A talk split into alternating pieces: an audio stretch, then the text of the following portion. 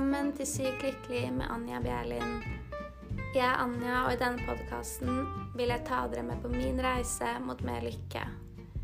Denne reisen vi kaller livet, og alle dens oppturer og nedturer.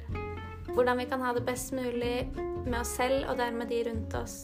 Håper dere vil være med meg, og at vi sammen kan være sykt lykkelige.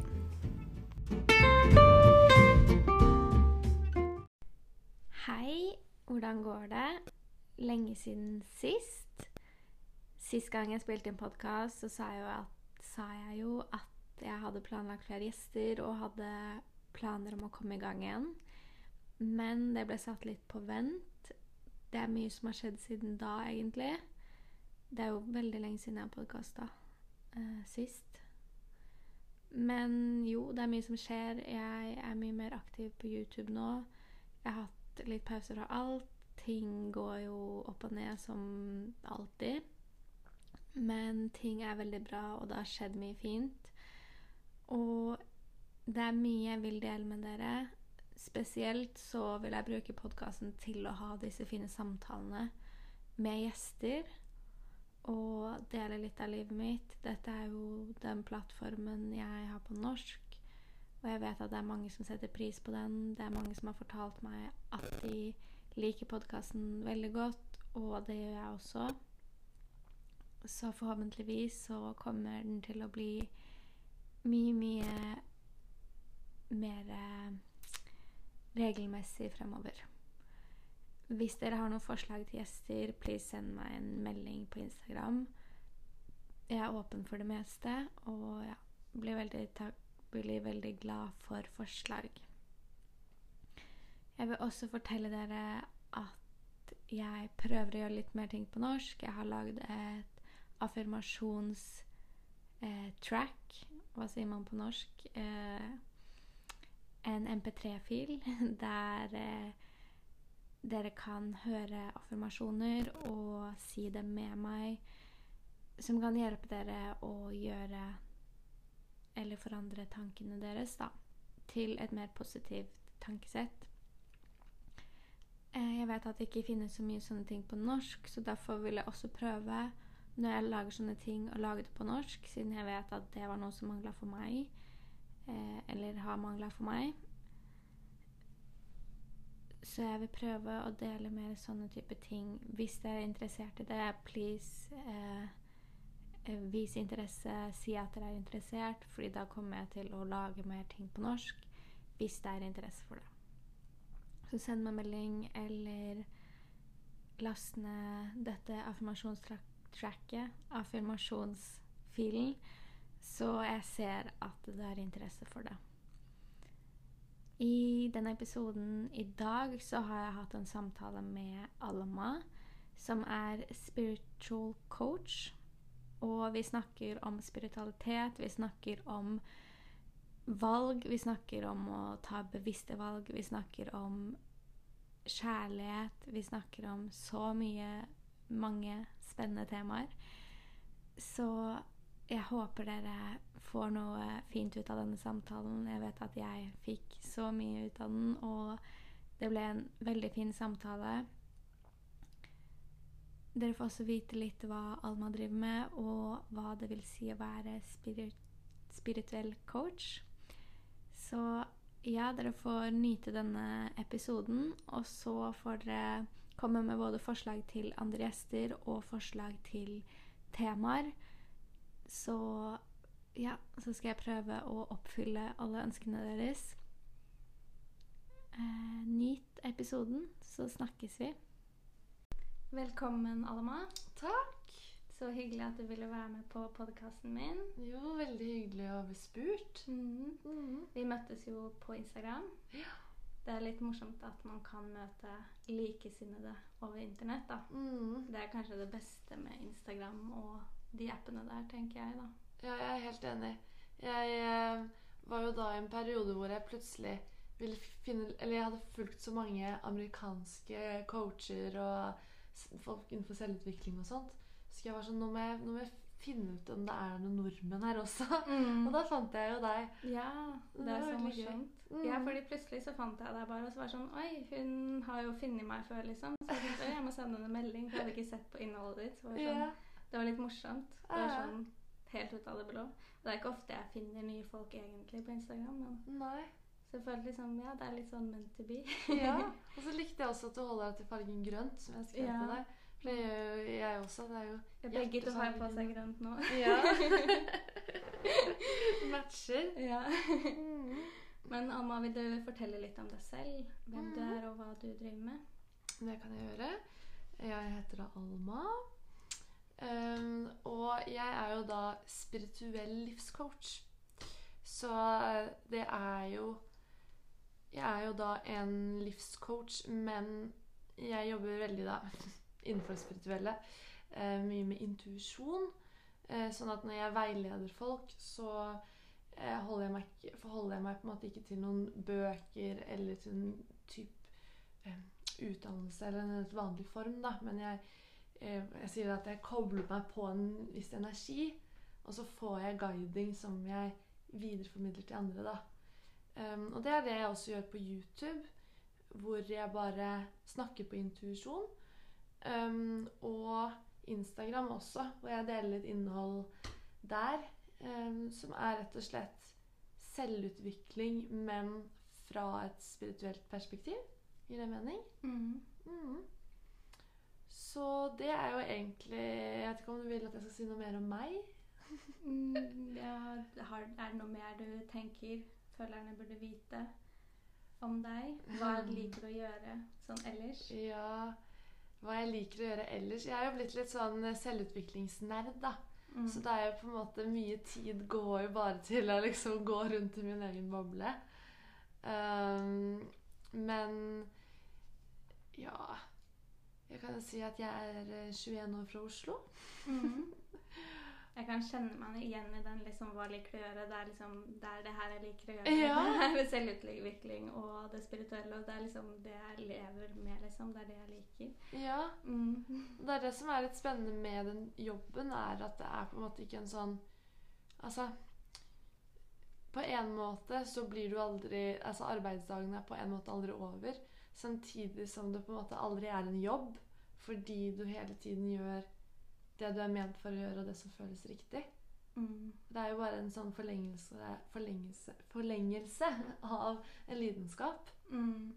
Det kan jo også være litt forvirrende, sånn fra mitt eget perspektiv. da. Mm. At man liksom føler nesten at man aldri jobber, men man har heller egentlig aldri fri. Ja. Fordi man Det er jo det man lever, man på en måte uttrykker, og Mm. alt går liksom i ett, da. Mm. Så det kan jo være litt sånn å forklare at man har en jobb, og forklare at man ja, Ja. liker å gjøre det.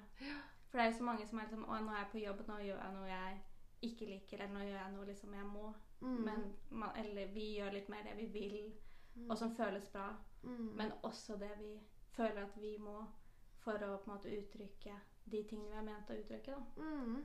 Og jeg tror jo at alle um, er ment for å ha jobb Altså at jobb skal jo føles på den måten. Mm. Um, og at Altså det Jeg tror jo at det er en grunn til at vi både har ulike talenter, men at vi elsker ulike ting, og vi får energi av ulike ting. Mm. Og eh, det er jo ikke Altså, jeg føler at det er veldig klassisk at det er coacher som snakker om det fra sitt eget perspektiv, at de har funnet eh, det de er ment for, og derfor så føles det ikke ut som en jobb. og alt sånt, Men det gjelder jo alle arbeidsgrupper. Um, men allikevel så tror jeg det er veldig viktig for meg i hvert fall, det er veldig viktig å ha konkrete arbeidstider allikevel. Sånn opp da, jobbe da. Ja, det er det. Det syns jeg også for min egen del. At det er greit å ha litt struktur, fordi da kan man også på en måte ta seg de pausene og liksom Ja, ha litt skille på ting, da. Mm, mm. Og også få litt mer rutiner og struktur i livet. Ja. Som også hjelper deg å ha mer frihet og mer tid Ja. til det man virkelig vil, da. Ja. Og det man ja, er ment til å gjøre. Ja, det er nettopp det. For at uten noe struktur så går jo ting veldig fort bare i hverandre. Mm. Og jeg tror Ja, altså det er veldig lett jeg, ja, Som du så, jeg lagde jo nettopp en video eh, på YouTube om de tingene der. Mm. Og jeg merket i hvert fall selv at det som hadde skjedd, da, var at jeg begynte å ta rutinene mine for gitt.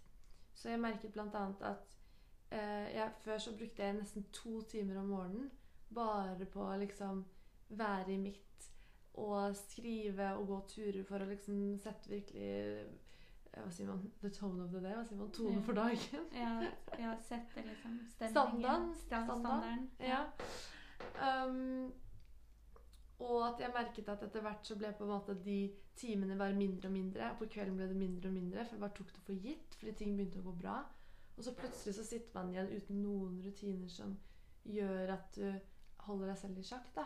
Mm. Og da merket jeg skikkelig at ok, jeg trenger faktisk Nå må jeg tilbake igjen, liksom back to basic. Mm. Og jobbe med å integrere liksom pauser i hverdagen til å være med meg. Mm. Og ja, være til stede også. Det, det handler jo om rutiner. Mm. Ja, det er jo en jobb, det også. Jeg føler også Plutselig faller jeg helt ut av rutiner. Jeg kan føle meg så bra, gjøre alt liksom som føles bra for meg. Og så plutselig så stopper jeg med det, og så tenker jeg ja, nei, det går fint. Og så, så merker jeg så fort da, at de, hvor viktig de rutinene og hvor mye de rutinene faktisk gir meg. da. Mm. Så det er jo en stor del av det. Men du er også eh, sier at du er også interessert i det spirituelle. Mm. På hvilken måte da? Nei, det var vel egentlig med det spirituelle det starta for meg, da. Ja.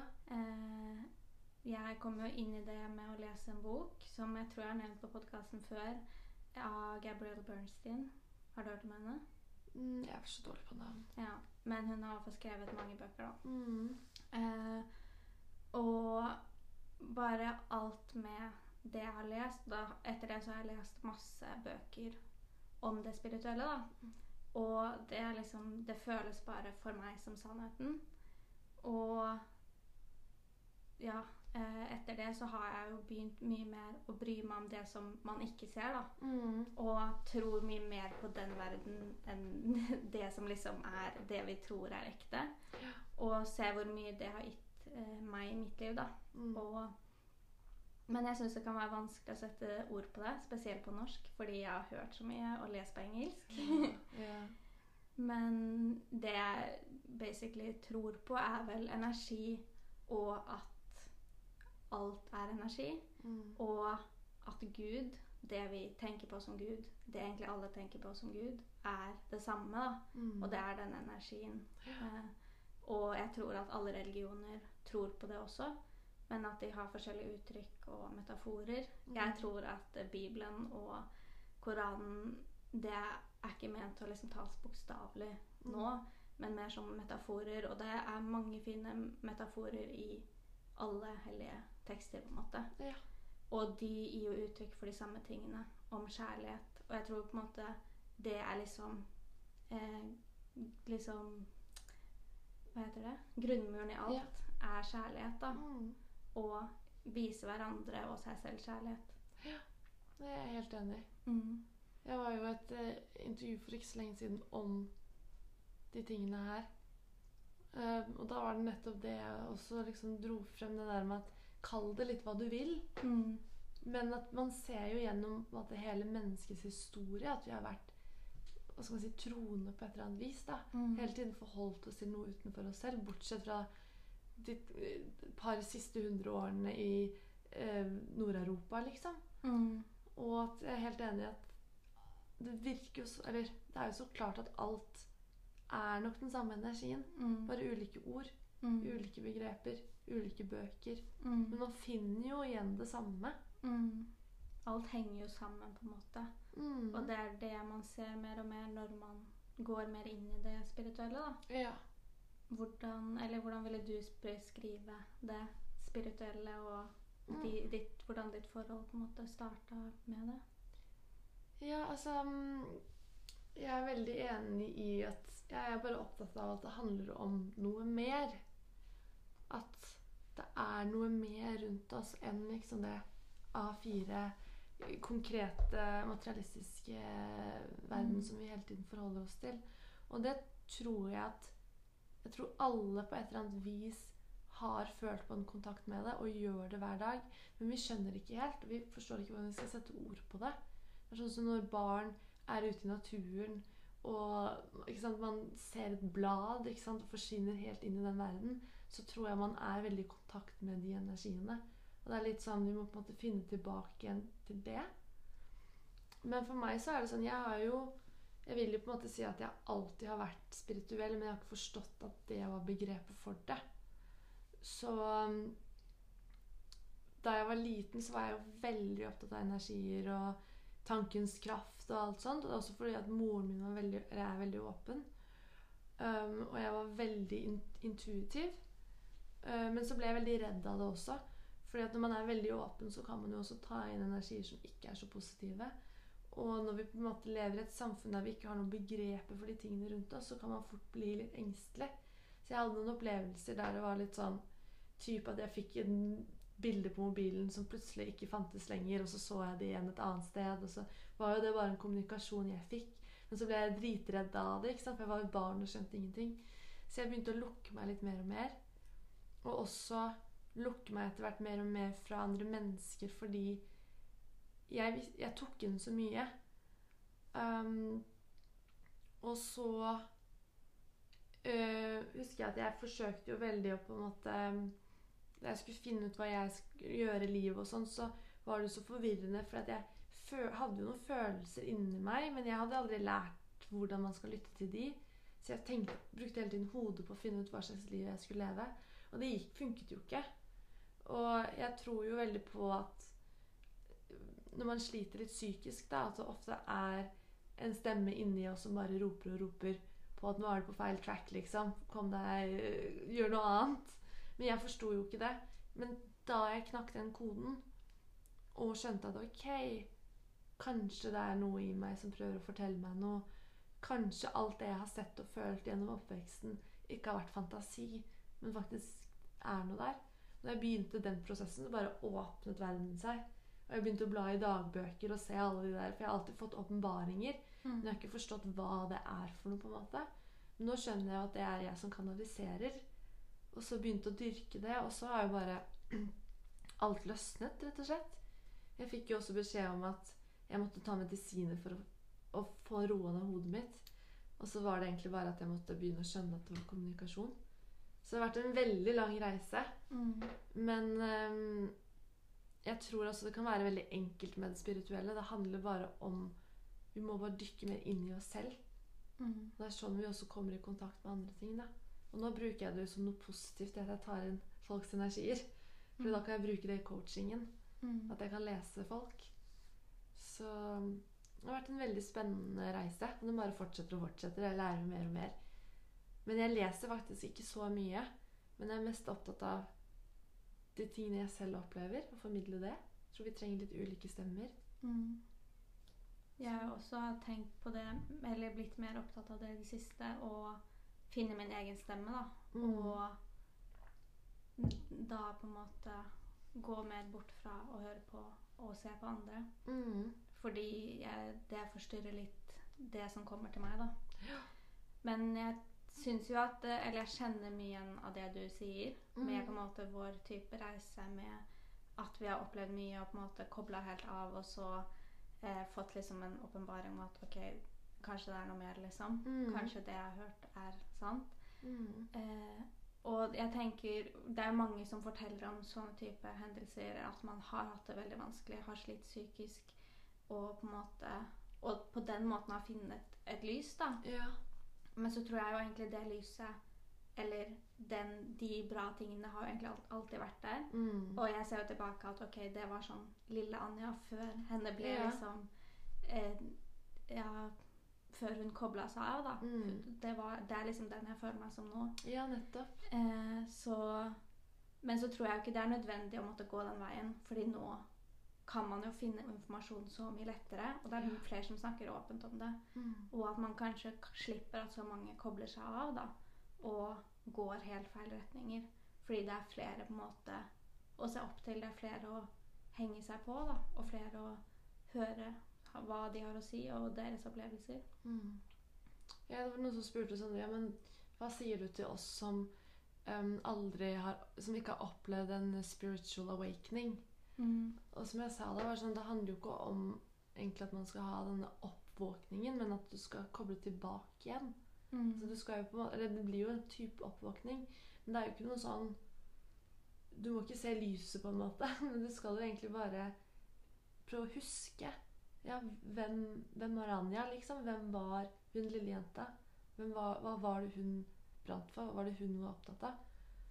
Så det trenger jo ikke altså Jeg vet om det er så mange som prøver å på en måte stimulere alle mulige Altså det tredje øyet og på en måte eh, Man sier altså, spirituelle DNA og gjennom lyd, lysspråk og alt det her, som er veldig interessant og bra.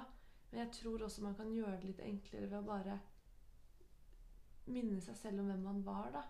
Hva man Ja, Mm. de tingene man så og opplevde som liten. Mm. Jeg tenker også på den måten med Vi, har, vi får jo på en måte servert så mange metoder eh, Ja, alt mulig rart, liksom. Sånn, og liksom forklaringer, metoder, alle de tingene der. Men at det egentlig bare er måter å prøve å få oss til å komme tilbake til oss selv, da. Og det kan man egentlig gjøre på en veldig enkel måte, men så har vi på en måte blitt vant til at ting skal være vanskelig, ting skal ha en metode, ting skal liksom skje på forskjellige måter. Så vi prøver å finne metoder og forklaringer på ting som kanskje ikke trenger det. Mm. Men så kan også de metodene hjelpe noen ganger for å på en måte få oss til å tenke på nye måter. Men det er jo egentlig ganske lett, lette ting som skal til. Men man må på en måte treffe på riktig sted. da. Og for noen så funker noe, for noen andre så funker noe helt annet. Ja, og jeg tror at Eller ofte så er jo det letteste noen ganger det vanskeligste. Mm. Og jeg tror det der med å bare bruke mye tid med seg selv uten distraksjon, uten å gjøre noe spesielt altså Jeg går jo Jeg bor jo i byen, så jeg går i byen, så er det mye distraksjon allikevel. Det er bare å gå rundt og være sitt eget hode, eller på en måte når, Ikke distrahere seg selv mens man spiser mat, f.eks. Sånn at du får tid til å være i ditt eget hode. Jeg tror jo at jo mer tid du får, får brukt på det, jo mer lærer du, jo fortere på en måte går denne prosessen. Men det er jo noe av det aller vanskeligste. Ja, ja, herregud. Det er jo det vanskeligste av alt. Og sånn Jeg har drevet med det her i så mange år. Men jeg kan også finne meg selv i liksom å prøve å distrahere meg. Mm. Spesielt hvis man blir sliten, så er det sånn Ok, nå setter jeg på en serie. Nå, liksom, nå blokker jeg alt ute. Og man tenker at Også som du sier, at eh, som barn så tok du inn så mye. Og jeg tror egentlig de fleste av oss gjør det, men vi har klart å på en måte Og vi overser det. Og vi forstår ikke at vi gjør det. Mm. Eh, så vi tar inn helt uten grenser og uten liksom Vi beskytter oss ikke, da. Og det er ikke bare med andre mennesker, men med sosiale medier. øh, Og se på telefonen sin og se på TV, musikken vi hører på, hvilket språk de bruker. Og dette er noe jeg har blitt mye mer bevisst på. Det er visse ting jeg ikke kan se på, ikke kan høre på. Noen ganger så kan jeg det, men jeg merker jo at spesielt når jeg er liksom sliten og kanskje har litt tynnere beskyttelse, da, for å si det sånn, så, så tar jeg inn de tingene enda mer. Og da kjenner jeg ok, dette her er jo egentlig ikke bra for meg. Hvorfor skal jeg høre på folk snakker om liksom de tingene her da, som jeg ikke vil tiltrekke meg? Hvorfor skal jeg på en måte integrere de sannhetene? det er et veldig bevisst forhold til det. Mm. Eh, og da jeg var mindre Jeg har alltid syns, følt veldig mye når jeg ser og hører ting. Um, så jeg har alltid visst at det påvirker meg. Men nå jeg ser ikke ting som ikke gjør meg godt. Hører ikke på ting som ikke gjør meg godt. Mm. Ting som ikke på en måte skal løfte meg opp. Jeg har ikke noe behov for å, å se på Jeg ser ikke på vold engang, liksom. For jeg har ikke noe behov for å bli dratt ned. Verken i energi, men også mentalt. Mm. Og litt det du sier, at vi kanskje alle tar inn mer. Jeg jo, har jo skjønt at eksempel, altså ordet synsk er jo egentlig bare et annet ord for å være intuitiv. Som igjen handler om at du kan både få inn, innblikk i andres liv og, og hvem de er, men også at du får veiledning, og du ser eh, altså Hva sier man? Synkroniteter Ja. rundt Ja. seg. Ja. Og det er jo f.eks. det å kalle seg klarsynt, som jeg, jeg begynner jo å bruke det ordet mer nå. det er jo et ord som er ganske vanskelig å bruke fordi det ligger så mye fordommer der, og også fordi folk tenker at det er sånne spåkoner som sitter og holder på med. Men vi alle kan jo øve opp våre synske evner. Mm. Vi alle har det latent. Altså, før brukte vi det mye mer. Men noen har det mer enn andre. Noen er kanskje bedre på den andre. Men vi alle har disse evnene. Men det handler bare om å både stole på dem og trene dem opp og åpne opp for dem. da. Mm. Så ja, det syns jeg også er veldig, veldig spennende. Ja, apropos det du sier også. Mm. Ja, det er jo helt sant det du sier, og det med de fordommene da, i forhold til visse begreper og visse typer Ja, sånn som spirituelle ting, da. At det kan ofte bli sett ned på og Man blir kanskje sett på som gæren, og tenker du sånn, og Eller kan du ikke se på det, eller energier, hva snakker du om, på en måte? Eh, det er jo ikke normalt, eh, spesielt kanskje ikke på vår alder, da, å være så opptatt av sånne ting.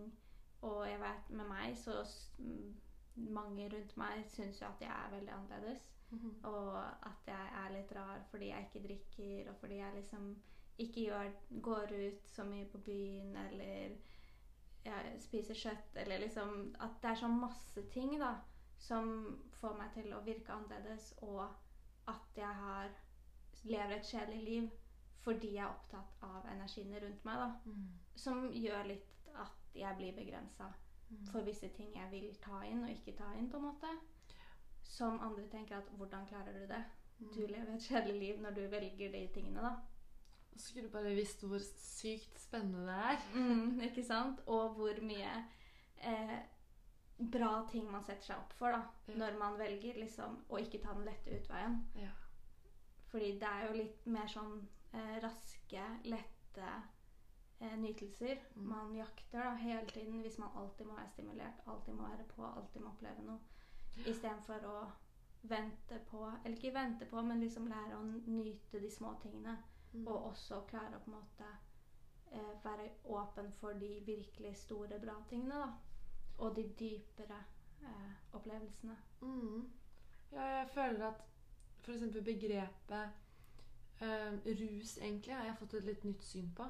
For bare den derre Altså, rus er jo den derre kortvarige nytelsen. Og det er jo det som er ofte sånn alt fra altså, Jeg sier ikke at fest og alkohol og alt sånt er negativt, men det, og det å være sosial og holde seg aktiv. Men det er veldig mange av de tingene som er en kortvarig rus. Og vi vet jo alle på en måte hva som kommer etter den rusen. Og det er jo gjerne at man har perioder hvor man er mer sliten, mer mentalt sliten. At du på en måte lettere møter på litt sånne tunge tanker og følelser. da. Og det er jo det som er fordelen når man stopper opp og hele tiden har et aktivt forhold til hvordan man bruker tiden sin, og hva man bruker tiden sin på. Det er jo at du på en måte slipper den derre At du plutselig møter på sånn helt uventede følelser og situasjoner fordi vi hele tiden ligger i forkant. da. Og jeg merker jo selv at når jeg er god på på en måte ja, ha de rutinene, være mindre sosial faktisk, ha det der klassiske kjedelige livet som du sier, da, så har jeg det så vanvittig bra. Og jeg syns det er så spennende òg. Det er så mye som skjer i hodet mitt, og ting som, i livet som er så flott. da. Så har jeg det veldig, veldig bra. Istedenfor at det blir sånn enten-eller. Sånn Ok, nå er jeg der og har det veldig gøy i tre timer, og så må jeg ha det skikkelig dritt dagen etter. Altså den derre Mm. opp og ned hele tiden. Som også er veldig slitsomt. Og som gjør at det blir vanskelig å finne riktig vei også. For når man på en måte holder seg i balanse og ligger litt føre var, så er det mye lettere å tenke langsiktig også, sånn at du over en lang tid kan ha det veldig bra og finne det rette for deg, enn at du på en måte merker sånn Å, jeg hater jobben min, og der jeg er eh, Jeg distraherer meg selv for å ha det bra i noen timer eller noen dager, sånn at jeg slipper å tenke på at livet mitt egentlig Altså sånn Det blir en helt sånn dum måte å forholde seg til det på, da. Mm. Jeg tror mange også gjør Eller man ser jo det at mange gjør det, og jeg heller ville på en måte ikke snakke ned det og ha det morsomt på andre måter. Ikke alle er ment å liksom leve sånn som meg, men eh, mer det hvorfor man gjør det man gjør, da. Hvorfor velger man det? Og man blir jo, som med alt, man blir jo avhengig. Eh, nervesystemet ditt blir jo avhengig av å ha de høye liksom At det skjer noe. Og man blir avhengig av å være litt stressa. og være på hele tiden. Så når man ikke er det, så føler man at man gjør noe feil. Og det har jeg også følt på at eh, jeg ser de rundt meg, de stresser, de gjør noe hele tiden. De er veldig sånn 'Jeg har gjort det, jeg har gjort det, nå skal jeg gjøre det, nå skal jeg gjøre det'. Og så er det sånn 'Hva har du gjort i dag?' Sånn 'Nei, jeg har, jeg har meditert og jobba med tingene mine', og jeg har det, hatt det liksom Jeg har det fint, og Mens det liksom ikke er akseptert. Fordi man har liksom ikke så mye å vise til. Og man vil liksom ha masse å vise til. Og en liksom krysse av masse greier på listene sine og liksom vise at OK, jeg er produktiv, jeg er flink. Og det gir oss en sånn høy, da. Eller at man blir litt sånn høy av det. Man blir stolt, og man får liksom positiv oppmerksomhet fra det. Så det er jo veldig eh, Hva heter det liksom Oppmuntra å ha mye å gjøre. Man får positiv oppmerksomhet på det. Selv om det noen ganger også er sånn Nå må du slappe av, du gjør veldig mye. Så er det liksom en sånn bekreftelse for oss at Oi, vi er flinke. Mm. For det er det vi kanskje har blitt lært fra vi er ganske små, da. Jeg vet spesielt i min familie så har det vært sånn. Mm. Ja, og, jeg, og, og det faller tilbake på det der med at man gjør ting med tanke på hva folk rundt seg tenker. Som er en sånn klisjé som man hele tiden kommer tilbake til. ikke sant? Men det er jo Det er litt det der med at eller, det er, på en måte- Jeg vil ikke legge meg så opp i hvordan folk bruker tiden sin, men det der med å være bevisst på hvorfor gjør du det du gjør. Og det å stille seg de spørsmålene der tror jeg er veldig viktig. I hvert fall fordi da kan du også skjønne ok, men gjør jeg dette fordi jeg virkelig vil, og det føles riktig, og jeg får noe godt ut av det? Eller er det fordi det enten er forventet, eller at noen vil se opp til det, at du vil få skryt for det, de tingene der. Mm. Og det tok veldig lang tid for meg å klare å skille de tingene. Jeg isolerte meg jo helt i flere måneder bare for å komme i kontakt med det. Det var alt fra sånn Ok, hva slags musikk hører jeg på hvis ingen vet hva jeg hører på? Hva, hva ville jeg ha på veggene hvis ingen skulle sett veggene mine? Hva slags klær ville jeg hatt på om ingen skulle sett meg?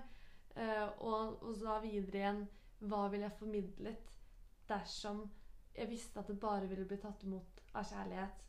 Hva ville jeg gjort dersom det var helt trygt? Gjøre, ha de tankeeksperimentene, da. For det er jo da du kan begynne på en måte å finne ut det som er riktig for deg.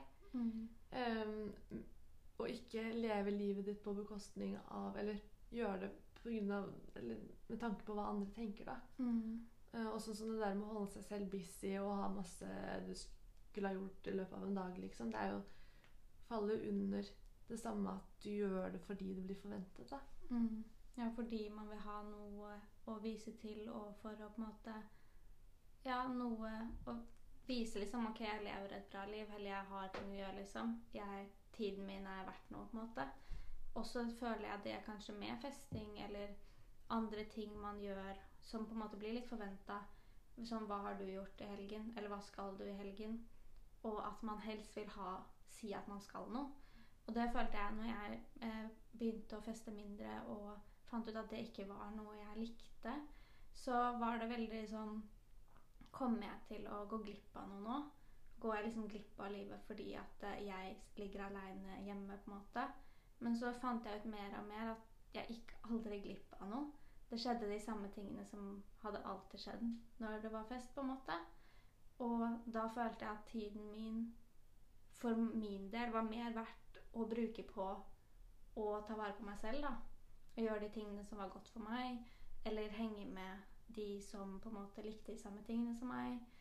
Og at man på en måte fant ut mer hva man selv vil. Som du også sier. Hva vil jeg, og hvorfor gjør jeg det? Ser det, Er det fordi at jeg tenker at det ser gøy ut, eller er det fordi at jeg faktisk vil gjøre de tingene? Eller også ja, bare finne ut hva vil jeg, og Fordi jeg tror der også ligger liksom eh, ditt største potensial. da. Det du vil, det du virkelig bryr deg om. Det er der du liksom kan gjøre de største og fineste tingene, samtidig som du har det best. Hvis det gir mening. Mm, mm, ja, jeg er helt enig. Det er, eh, det er der svarene på veldig mye ligger. Og det er også sånn eh, det der med å spørre seg selv om hvorfor man gjør ulike ting. Jeg begynte jo å spørre meg selv f.eks. hvorfor jeg føler at jeg må drikke alkohol på fest. Uh, nå blir dette en sånn uh, ikke drikke alkohol og fest-greie. Jeg kan si at jeg har fest, fe, både fester og er veldig aktiv sosial, så ikke Det går Jeg fint, er det. også fester. Av og til. Ikke så ofte. Men, men jeg begynte å bare spørre meg selv OK, hvorfor Eller ja, hvorfor drikker jeg? For jeg, jeg hadde jo lyst til å begynne å drikke mindre. Og mest fordi jeg ikke ville kaste bort dagen etter. Og så tenkte jeg sånn Jo, jeg gjør det fordi jeg eh, får Eller jeg er litt flinkere til å drite i hva folk tenker. Kanskje jeg er litt bedre på å ta plass. Heve stemmen litt mer. Slippe meg litt mer løs. Um, og er litt mer fri. Og så tenkte jeg ja, ok, men da betyr jo det at dette er ting jeg må jobbe med. Mm. Um, og da bør jeg heller på en måte eh, I hvert fall fordi at jeg elsker sånne eksperimenter hele tiden. Så da blir jo mitt nye eksperiment ikke sant, dra på fest edru og øve på de tingene der. Mm. Eh, men da merket jeg sånn Ok, men da Neste festen jeg da dro på, så jeg, valgte jeg da å ikke drikke.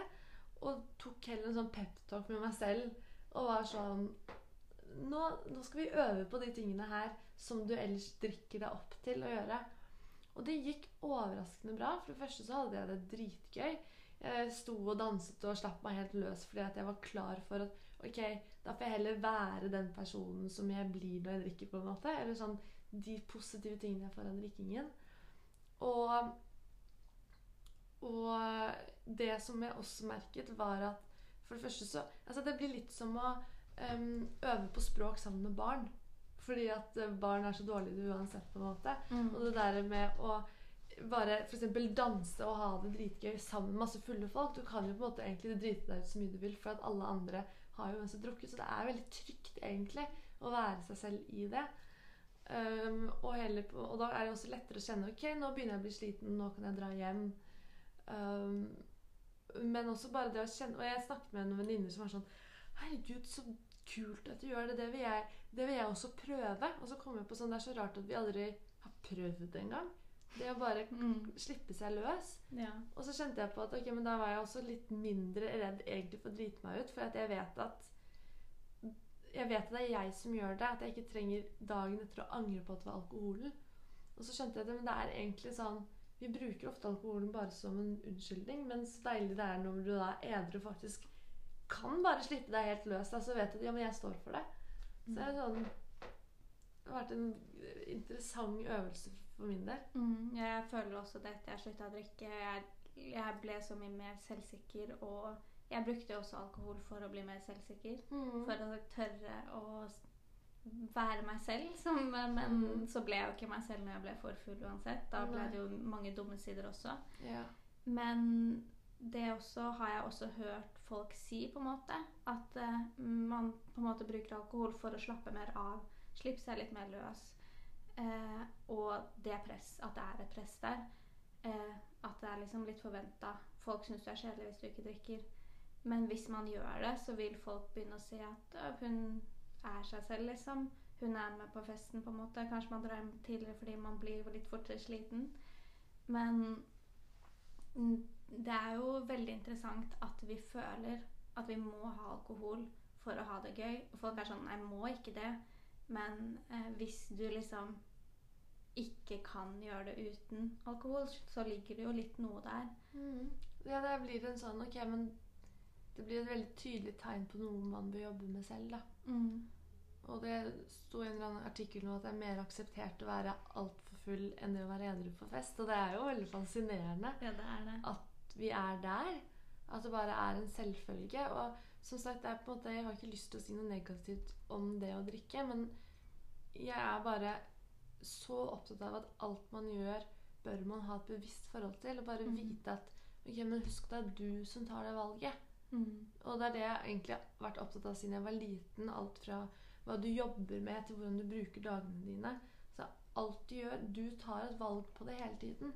Og vite at det er du som gjør det. Og du har makten over det. Eh, og man kan bli så mye påvirket man vil her og der, men til syvende og sist så er det du som tar det valget. Og da at man alltid liksom går bare en ekstra runde med seg selv. Og så kan det da være sånn Ok, um, jeg eh, drar på fest nå og skal drikke meg dritings.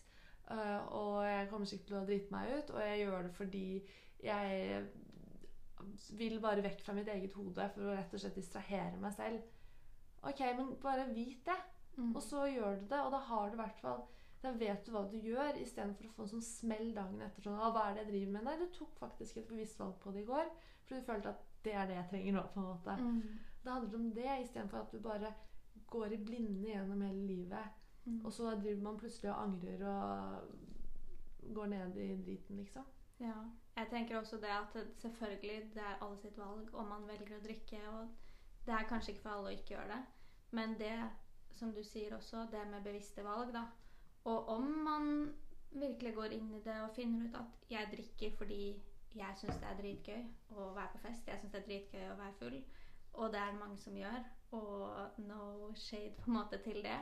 Men det må være mer bevisst, da. Det må ta, som du sier, de valgene og vite litt hvorfor man gjør det. Og ikke gå på den autopiloten og følge det alle andre eh, tenker at man skal gjøre. Og det man tror er kult og tror er morsomt, da. Fordi når jeg begynte å drikke, så var jeg alt altfor ung. Og jeg eh, hadde jo ikke noe bevisst forhold til hvorfor jeg gjorde det. Jeg kan jo se tilbake at jeg gjorde det for å rømme fra meg selv og det som var vanskelig. Men jeg hadde jo ikke noe klart bevisst forhold til at jeg gjorde det pga. det. Eller for at jeg skulle være mer selvsikker. Eller tørre å slippe meg mer løs. Eh, og når man ikke engang har et bevisst forhold til det, så kommer det ikke til å utspille seg på de måtene man ubevisst skulle ønske at det gjorde, da. Det kommer til å utspille seg på mange måter fordi man har mye mer ubevisst som ligger der, da. Med smerter og ting som vil uttrykke seg gjennom det. Men ja, det må bare være mer bevisst, da. Og vite om man gjør noe fordi det er forventa, fordi andre gjør det, eller fordi det er faktisk godt og noe man ønsker selv, da. Mm. Og så er man forskjellig. Mm. Og det tror jeg det er noe jeg kommer tilbake til hele tiden. At vi fungerer forskjellig. Noen blir helt utslitt av én ting som gir andre energi, og motsatt. Og jeg tror ikke det er noe hemmelighet at sikkert vi begge er litt mer sensitive enn andre. Det er nok derfor også vi har valgt den veien vi har valgt.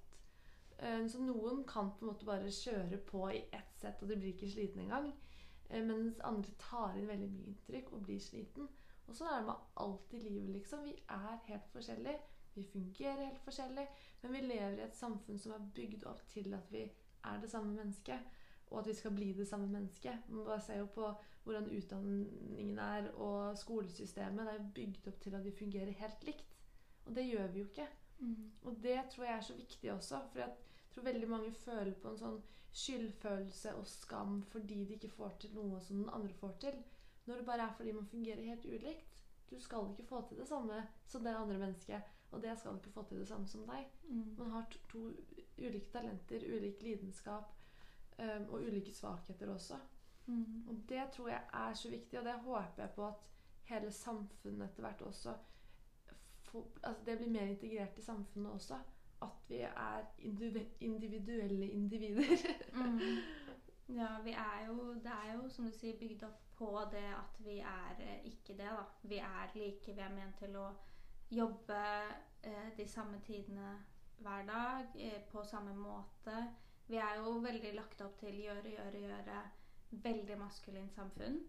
Og jeg vet ikke om du har hørt om men, eller har lest om det, at eh, menn har jo syklus som går i 24 timer. Så de har liksom hver dag så begynner de en ny syklus som, som vi lever etter, da. I vårt samfunn, egentlig. At eh, ja, vi starter en ny dag, og da har man liksom samme type energi. Man gjør de samme tingene, og så er det kveld, og så starter man på nytt. Mens kvinner går jo over en hel måned med syklusen sin, eh, og de har flere dager der de kan, at ting kan gå veldig nedover. Og man er sliten og man skal slappe av. Mens kanskje de har en uke der hvor ting er veldig oppe, og man klarer å gjøre mye hele tiden.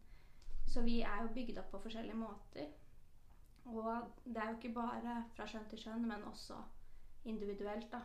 Mm. Med sånn hvor sensitiv man er. Og samfunnet er jo bygd opp for de som er så lite sensitive som mulig. Så da blir vi, vi liksom veldig sterk liksom, motvekt til det, da. Og også blir litt vanskelig å navigere. Men at det kanskje kommer til å bli lettere og lettere framover, da. Med at man kan liksom Ja, Det er jo fortsatt en lang vei å gå, spesielt med arbeidslivet og skole og sånn, da. Men det er jo mange som velger sine egne veier og gjør ting på andre måter. Mm.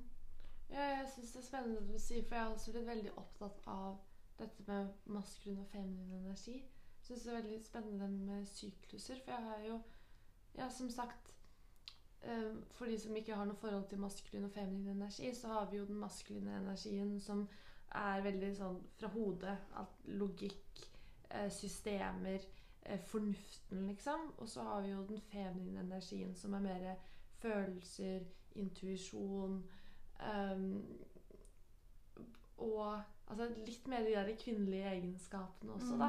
Mm. Men det der med at du kan ha en følelse at noe er rett og galt, ja, og, og Mm. drømmer og alt det her. Og vi ser jo nå at ja, samfunnet vårt er jo bygd opp rundt mask, altså maskulin energi. Og det også betyr jo at jeg tror at det er veldig lett at man da f.eks. velger feil ting i livet. Da, for at tingen er at det skal ikke være enten feminin eller maskulin energi, men vi må få balansert den. Så hvis man først bruker hodet og tenker at tenker på hva som er rett, og så lider man seg f.eks. gjennom en utdannelse fordi at når Mm. du kommer dit, så får man det bra. Men så må man jo først ha den femini, være i den feminine energien og føle hva som er rett, før man kan begynne å bruke den maskuline energien og bygge opp ting. Mm. Men jeg har aldri hørt på om det der med sykluser også. Mm. Og det er jo så fascinerende, for det er jo det man ser i ja, hvordan ting er bygd opp. Det er jo ikke bygd opp for at alle skal fungere i det. Mm. Vi er jo så forskjellige. Men jeg har aldri hørt om den der 24-timers-syklusen til menn. Det det Nei, det er veldig- interessant. Og jeg tenkte sånn Jeg sa det til broren min også. Han bare Jeg er så glad jeg er mann, altså. Ja, det, det er sånn, Det er, bare, det er jo mye som er positivt med å være dame òg, men ja, det er kanskje mer komplisert. Ja, og det er sånn, jeg føler at jeg har blitt feminist på ny. Mm. Fordi at én ting er liksom å skulle kjempe for at vi skal tjene likt og alt det her. Men det jeg blir mer og mer opptatt av, er jo at samfunnet er bygd opp rundt ja, som sagt, den maskuline energien. Og det handler jo om så mye mer enn lønn. Det er jo det det sier. Det handler om hvordan timene er i løpet av en arbeidsdag. Det handler om ja, hvordan vi jobber, hva som er en autoritet. ikke sant? At du skal ikke vise følelser på arbeidsjobben. Arbeidsjobben! Arbeidsplassen. Arbeidsplassen. Og de tingene her som gjør at ikke sant, alle kvinnelige Det skal det sies at menn har også mye feminin energi, men de også sliter jo mer i samfunnet, de som har mye feminin energi. Eh, Men at disse feminine egenskapene blir sett på som svakheter, som Mm. egentlig er virkelig styrker, da. Mm. Ja, det er veldig interessant. Og jo mer man går inn i det, så er det liksom så mye som henger sammen når det kommer til det med energier. da. Og med feminin og maskulin energi. Det at maskulin, som du sier, man skal ha begge to.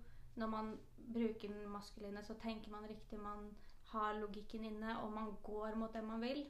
Men man kan ikke fortsette å bare gå, gå, gå. Man må også slappe av. Man må på en måte i universet, da, eller energien, også rom til å hjelpe deg, støtte deg. Og da må man være klar for å motta. Da må man Mm. være en, en mer tilbakeholden eh, posisjon, da. Og tørre å stole litt på noe større. At eh, som maskulin så tenker man at man skal gjøre alt selv. Man skal få til alt. Eh, og man skal liksom Man må bare liksom gjøre de tingene. Det er liksom det eneste som teller, da. Det man skal gjøre, det som er riktig. Men så er det så mange, eller mye mer ting som spiller inn, da. Der enn bare det logikken. Og som du sier, på arbeidsplasser så er det ikke eh, vært rom for de feminine sidene. Og det er jo vanskelig å være en veldig feminin eh, person sånne type, på sånne type steder. Og det blir jo undertrykt, det med følelser. Det er ikke, men, ikke meninga å vise følelser på arbeidsplassen. Det er ikke meninga å følge det som er riktig. Og vi har jo arbeidsplasser, vi har jo mm, ting da som går imot verdiene våre, f.eks. Og det jo, kan også tære veldig på å være i et yrke som gjør ting som kan, man kanskje ikke kan resonnere med selv, og ikke liksom føles riktig. Men så er vi også lært til å undertrykke de tingene, da. Vi har lært å undertrykke oss, eller underkaste oss samfunnet, fordi det er det som er riktig. Og det er jo også veldig liksom sånn Ja. Som bare det at vi undertrykker det feminine så mye menn, da. Fra de er små at de skal være tøffe. Og de blir lært å være maskuline. Eh, så det er også på en måte Og vi blir lært til å være maskuline.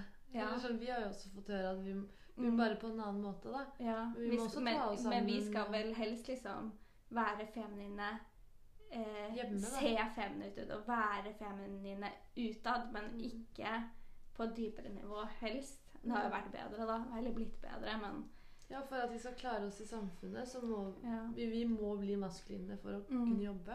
Mm. Men så må vi ikke være for maskuline, for da skremmer vi menn. Ja, virkelig.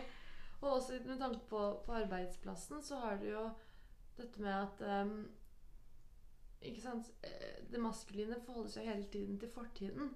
Sånn at ikke sant, Logikk består jo bare av at du tenker på alt som har skjedd, så setter du det sammen. Mm. Mens intuisjon, da, for eksempel, som er en feminin, eller er knyttet til det feminine, det kan jo si noe om fremtiden eh, som vi på en måte ikke har erfart.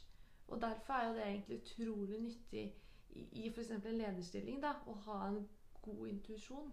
Mm. Sånn at du faktisk kan forutse ting som man ikke kan forutse med logikk. Med logikk. Så det bør jo Altså det er jo bare nyttig å få det mer opp og frem. Mm. I, i arbeidssammenhenger også. Mm. Ja, det er veldig interessant. Og jeg er også bare det med måten vi har blitt undertrykt på da, som kvinner. Jeg har egentlig ikke vært sånn veldig måte, opptatt av det, men så har jeg hørt mer om det og på en måte tenkt mer på det. Eh, at det kanskje har vært en grunn for at det har vært følt at man må undertrykke damer, fordi nettopp den feminine energien er så sterk, da. Den er og, Ja, moder jord, egentlig. Ja, det er alt og det er jo kjærlighet, på en måte. Mm. Den, den er jo full av kjærlighet. Og jeg tror hvis man hadde dyrka den, så ville det liksom gitt en så stor effekt da, i verden på en positiv måte. Mm. Og det er mange som ikke er klar for den type endring, da. Og det hadde jo jeg, hadde, jeg tror det hadde vært sånn for å være veldig idealistisk, da. At jeg tror at det er mulig. Om vi hadde lært alle mye mer om kjærlighet og om de tingene vi er opptatt av fra veldig ung alder, så hadde det vært mulig å ha hatt en mye eh, mer eh, kjærlig jord, da. Fungerende verden. Ja, fungerende og liksom et, Ja, fint at det ikke var så mye krig og urettferdighet og sånne ting. Ja, for at ofte så stammer jo Ja, alle de negative tingene i samfunnet stammer jo gjerne også fra negative følelser hos individer. Ikke sant? Et slem, det finnes jo ikke noe som heter slemme og snille barn. Man sier jo ikke det. det er jo, man er jo gjerne enten redd eller ikke sant, også altså Sinte menn er gjerne redde menn. Mm. Og det er jo gjerne andre følelser som ligger til grunn for at man har dette behovet for enten å være ond eller på en måte utvide territoriet sitt, som da fører til krig. Eh, mens hvis på en måte Det er jo så simpelt å si hvis alle hadde hatt det bra, så Mm. hadde man ikke trengt det. Uh, men det ligger jo noe der. altså Hvis man på en måte hele tiden forholder seg, forholder seg til kjærlighetens kraft, energi, um, og er i kontakt med det, som også man finner i naturen, ikke sant, um, så vil man kanskje klare å, å velte om verden tilbake til der den skal være. Da. Mm. Men det er jo som du sier, det er jo Det som er skremmende også, er at vi alle er egentlig litt redd for kjærlighet på en eller annen måte. Og jeg merket det selv også, sånn i hvert fall den tiden her hvor jeg har Eller gått mer inn i meg selv, så har jeg skjønt at jeg er redd for kjærligheten til folk. Eller være ydmyk og ta imot f.eks. at folk skal passe på meg, eller de tingene der. Og jeg vet ikke hva det er som gjør at det er en litt sånn skremmende energi, men kanskje fordi den er så kraftfull og forvandlende. Altså det er jo, Barn blir jo lagd av bare den energien, liksom. Mm. Jeg vet ikke. Nei, jeg tror det er veldig normalt. Og det er jo Det tror jeg handler mye om på en måte tidligere erfaringer og litt underbevisste eh, trossystemet vi har, da.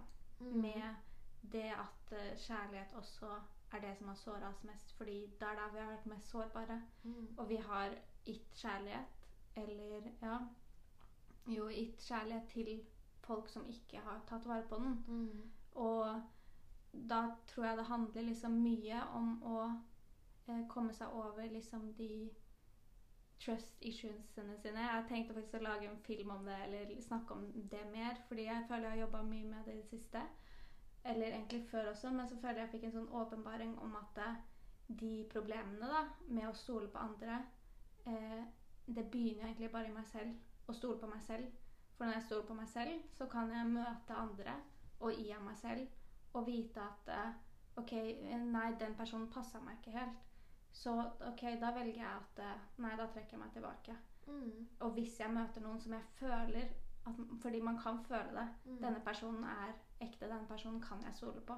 Mm. Og før, når jeg har, har gått imot det, da Jeg har jo alltid Jeg visste liksom Denne personen kan jeg ikke stole på. Mm. Og så valgte jeg å stole på han. Mm. Da Det var jo et valg jeg tok. Eh, så da handler det mer om å lage liksom den tilliten til seg selv. Om å ta de riktige valgene og lytte til seg selv. Mm. Enn å legge den tilliten til noen andre, da. Mm. Fordi det kan man ikke styre. Og så vite at man er sterk nok hvis man gir det til noen, og de bryter det. At man er sterk nok til å komme seg opp igjen, da. Og heller bygge opp tilliten til seg selv igjen, da. Hvis Mm. man trår feil. Og det kommer man jo til å gjøre.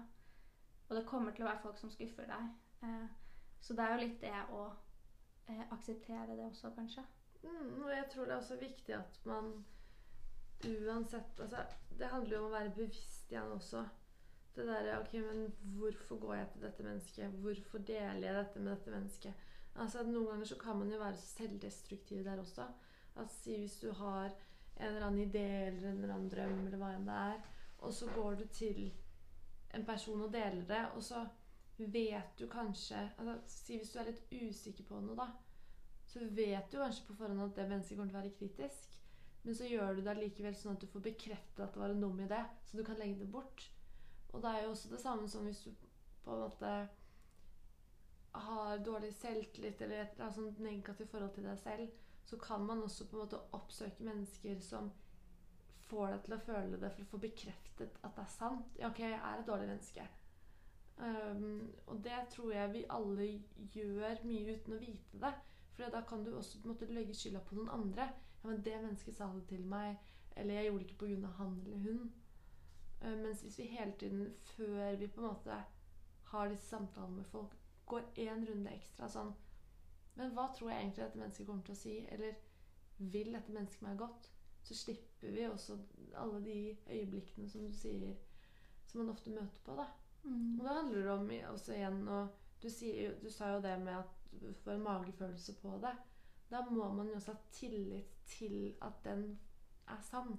At du har noe i deg som sier sannheten. Mm. Hvis du ikke har den tilliten, så kan du bare glemme å på en måte begynne å bli intuitiv og, og følge det som er rett. da. Mm. Du må stole på den indre guiden også. Ja, og det er noe man må trene på å på en måte bygge opp på veien. Men jeg tror, som du sier, det med sånn selvoppfyllende profeti, da, at man eh, Ja, man søker det man selv tror. Eh, det tror jeg er noe vi gjør hele tiden. Eh, og som jeg er veldig opptatt av med liksom, tankesett, er jo at alt vi opplever, er det jo noe vi har skapt på en måte i tankene våre først. Vi skaper jo det vi vil oppleve. Og ofte så er det mye ubevisst, spesielt når man ikke har vært bevisst på sånne ting lenge. Fordi det er mye som ligger bak som man har opplevd før, eller gamle ja, opplevelser og sånne ting som har bygd disse trossystemene. da. Men det er jo også noe vi kan begynne å forandre nå. Og liksom begynne å sette mer positive forventninger for å oppleve mer positivt. For å lage nye selvoppfyllende profetier som vi vil ha, Mm. istedenfor de vi ikke vil ha. Mm. Og være bevisst på det, som du sier, hvem man søker råd av, hvem man søker kjærlighet av. Mm. Og selv om kanskje jeg vet at mamma eller pappa vil det beste for meg, så er det ikke sikkert at de tror på drømmene mine. Nei. Eller har en forståelse for at det er mulig. Det er gjerne et helt annet perspektiv på Mm. det. Foreldreperspektiv som handler om at du skal ha trygghet. Mm. Og velge den tryggeste veien, sånn at du Ja. slipper å gå gjennom oppturer og nedturer. Mm. Det de tenker er best, ikke sant? Så det som du sier, og som vi har snakka om hele tiden, det å Mm. tro på seg selv, da, gå i seg selv og spørre seg selv liksom, hva tror jeg er riktig. Ja, og du har en indre guide. Mm. Det er jeg helt overbevist om at vi alle har. Mm. Um, fordi at jeg har Jeg har aldri hørt eller sett noen som har tuna helt inn mot den indre stemmen, fulgt de rådene man finner i seg selv, og angret på det, rett og slett. De aller, aller fleste som, som går den prosessen, da vil ting løsne, og du merker at du får et bedre liv. Og det er også noe jeg syns er litt synd i vårt samfunn, at det der med å hige etter lykke eller prøve å på en måte skape et så innmari flott og fint liv, at det er en sånn negativ ting. Fordi liksom, folk snakker om at det å være lykkelig fins ikke, basically. Og det er så bullshit. Men vi har begynt å akseptere det å ha det dritt. Det er et helt vanlig smalltalk-emne, det der man bare snakker om eh, Snakke seg selv ned. Og vi snakker om sånn Ja, det der må du bare komme deg gjennom. Og jeg snakket med en venninne i går om Det har blitt Altså, vi har begynt å akseptere at 15-16-åringer eh, blir utbrent, ikke sant? Vi, vi, vi er et samfunn hvor, hvor disse tingene på en måte er Ja, men det er sånn det er å være menneske. Mens vi faktisk kan oppnå et liv som er skikkelig, skikkelig bra. Og selv liksom For meg, og du kjenner det sikkert igjen også, selv om på en måte ikke at alt er på en måte ferdig og perfekt, så har Altså, jeg er så lykkelig. Og det høres ut som en sånn klisjé å gå rundt og si sånn Ja, men jeg har det bare veldig, veldig bra. Men det er sant, fordi at jeg har valgt det. Og det høres jo også utrolig rart ut at man bare velger å være det, men jeg har valgt å jobbe for det. Jeg jobber hver dag for å ha det skikkelig bra. Og jeg får igjen for det. Det er ikke en sånn illusjon eller noe sånn finn-på-greier. Mm.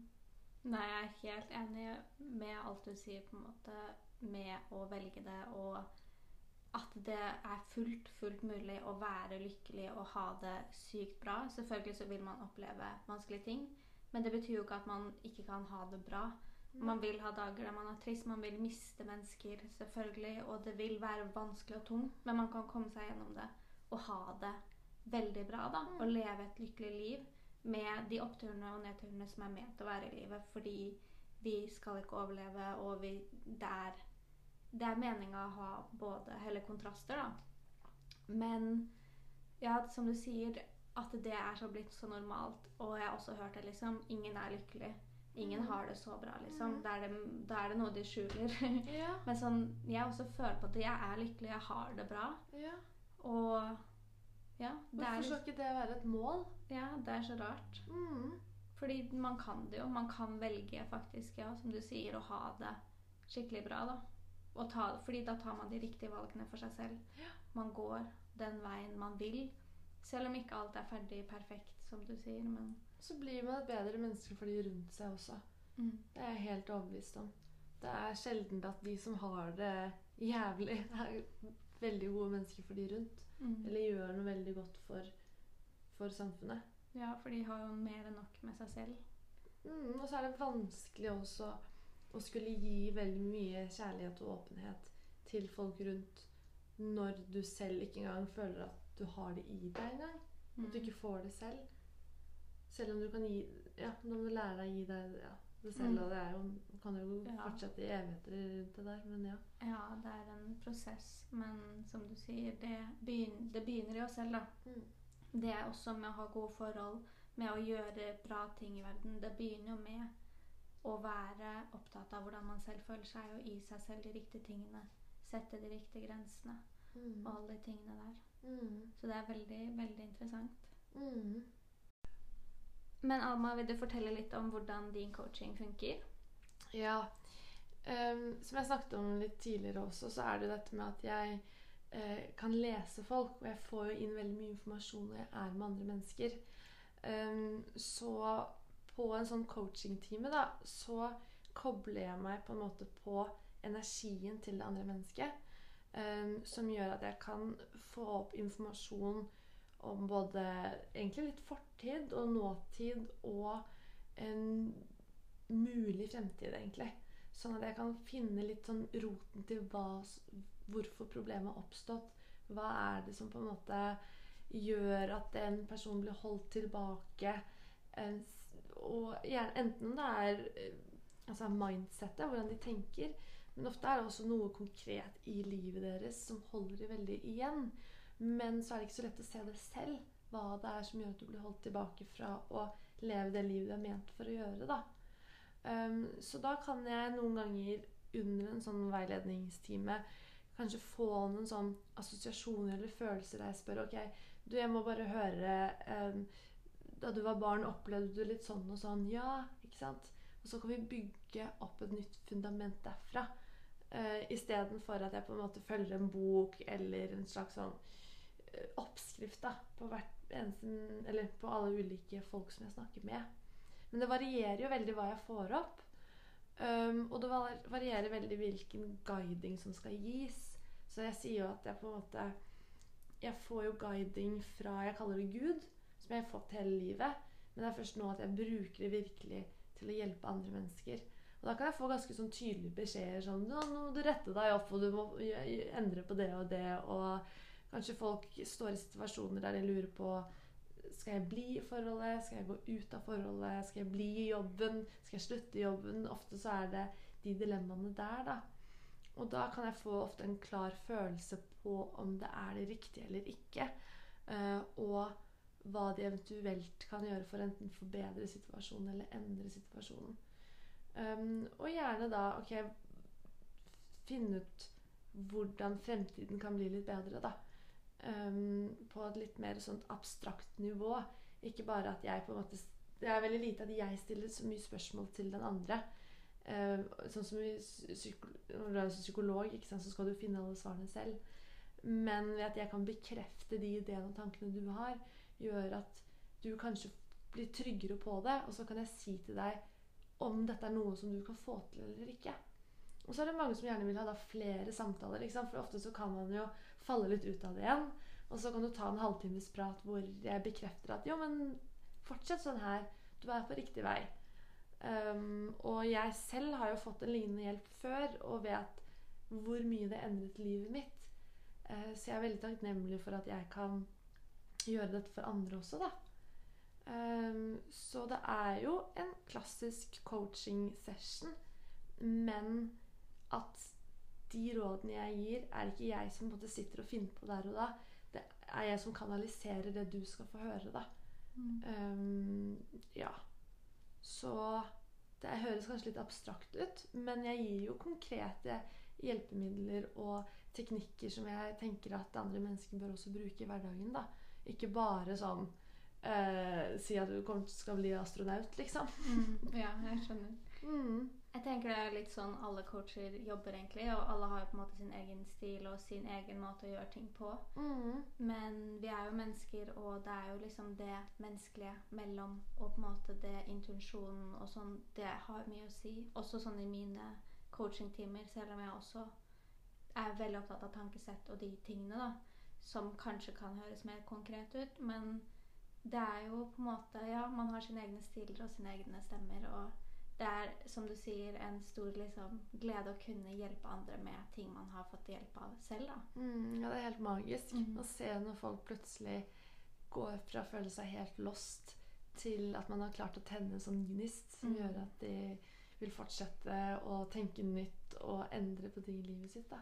Ja, det er det beste med å være coach. Den lille gnisten og liksom se den lille endringen. Mm, virkelig.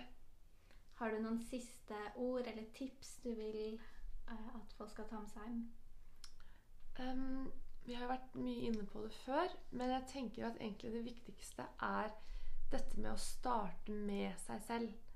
Um, og forstå at den kunnskapen man selv sitter med, og all, alle de svarene man selv har, er så mye mer kraftfulle og viktige Det er så mye viktigere enn alt det man kan lese i bøker og høre fra andre folk.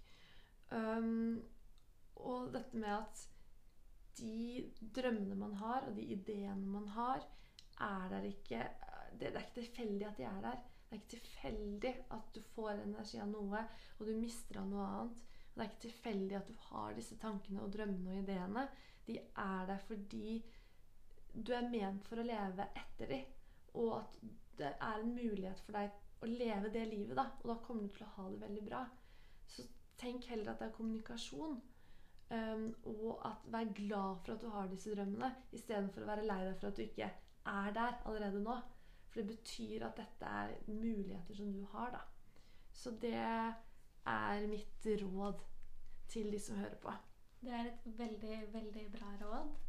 Og jeg er veldig takknemlig for at du ville komme og være med på podkasten min. Det har vært så gøy. Ja, det var veldig hyggelig. Mm. Det er fint å snakke med litt likesinnede. Ja, herregud. Det er eh, det beste jeg vet om. Å kunne ha Mm. disse her samtalene. Og jeg tror, jeg håper det kommer ut til alle dere, den gode energien vi har hatt her i Ja. dag. Jeg også. Det har vært veldig hyggelig å være her. Mm. En siste ting, så kommer jeg til å legge dine linker til Instagram og YouTube. Du kan godt ta hjemmesiden også hvis Ja, du vil. Der kan man booke time hvis man Ja, vil. Mm. Da skal jeg linke alle de tingene, så dere kan finne alt om Alma i biografien, eller hva heter det? Hva heter det? Eh, Beskrivelsen. Beskrivelsen. Mm. Ja. Description. Ja. Ja. Beskrivelsen under podkasten, eller hvor dere hører på. Ja. Ja. Men tusen, tusen takk. ja, veldig hyggelig. å Kom hit. Vi snakkes vel igjen. Det gjør vi vel.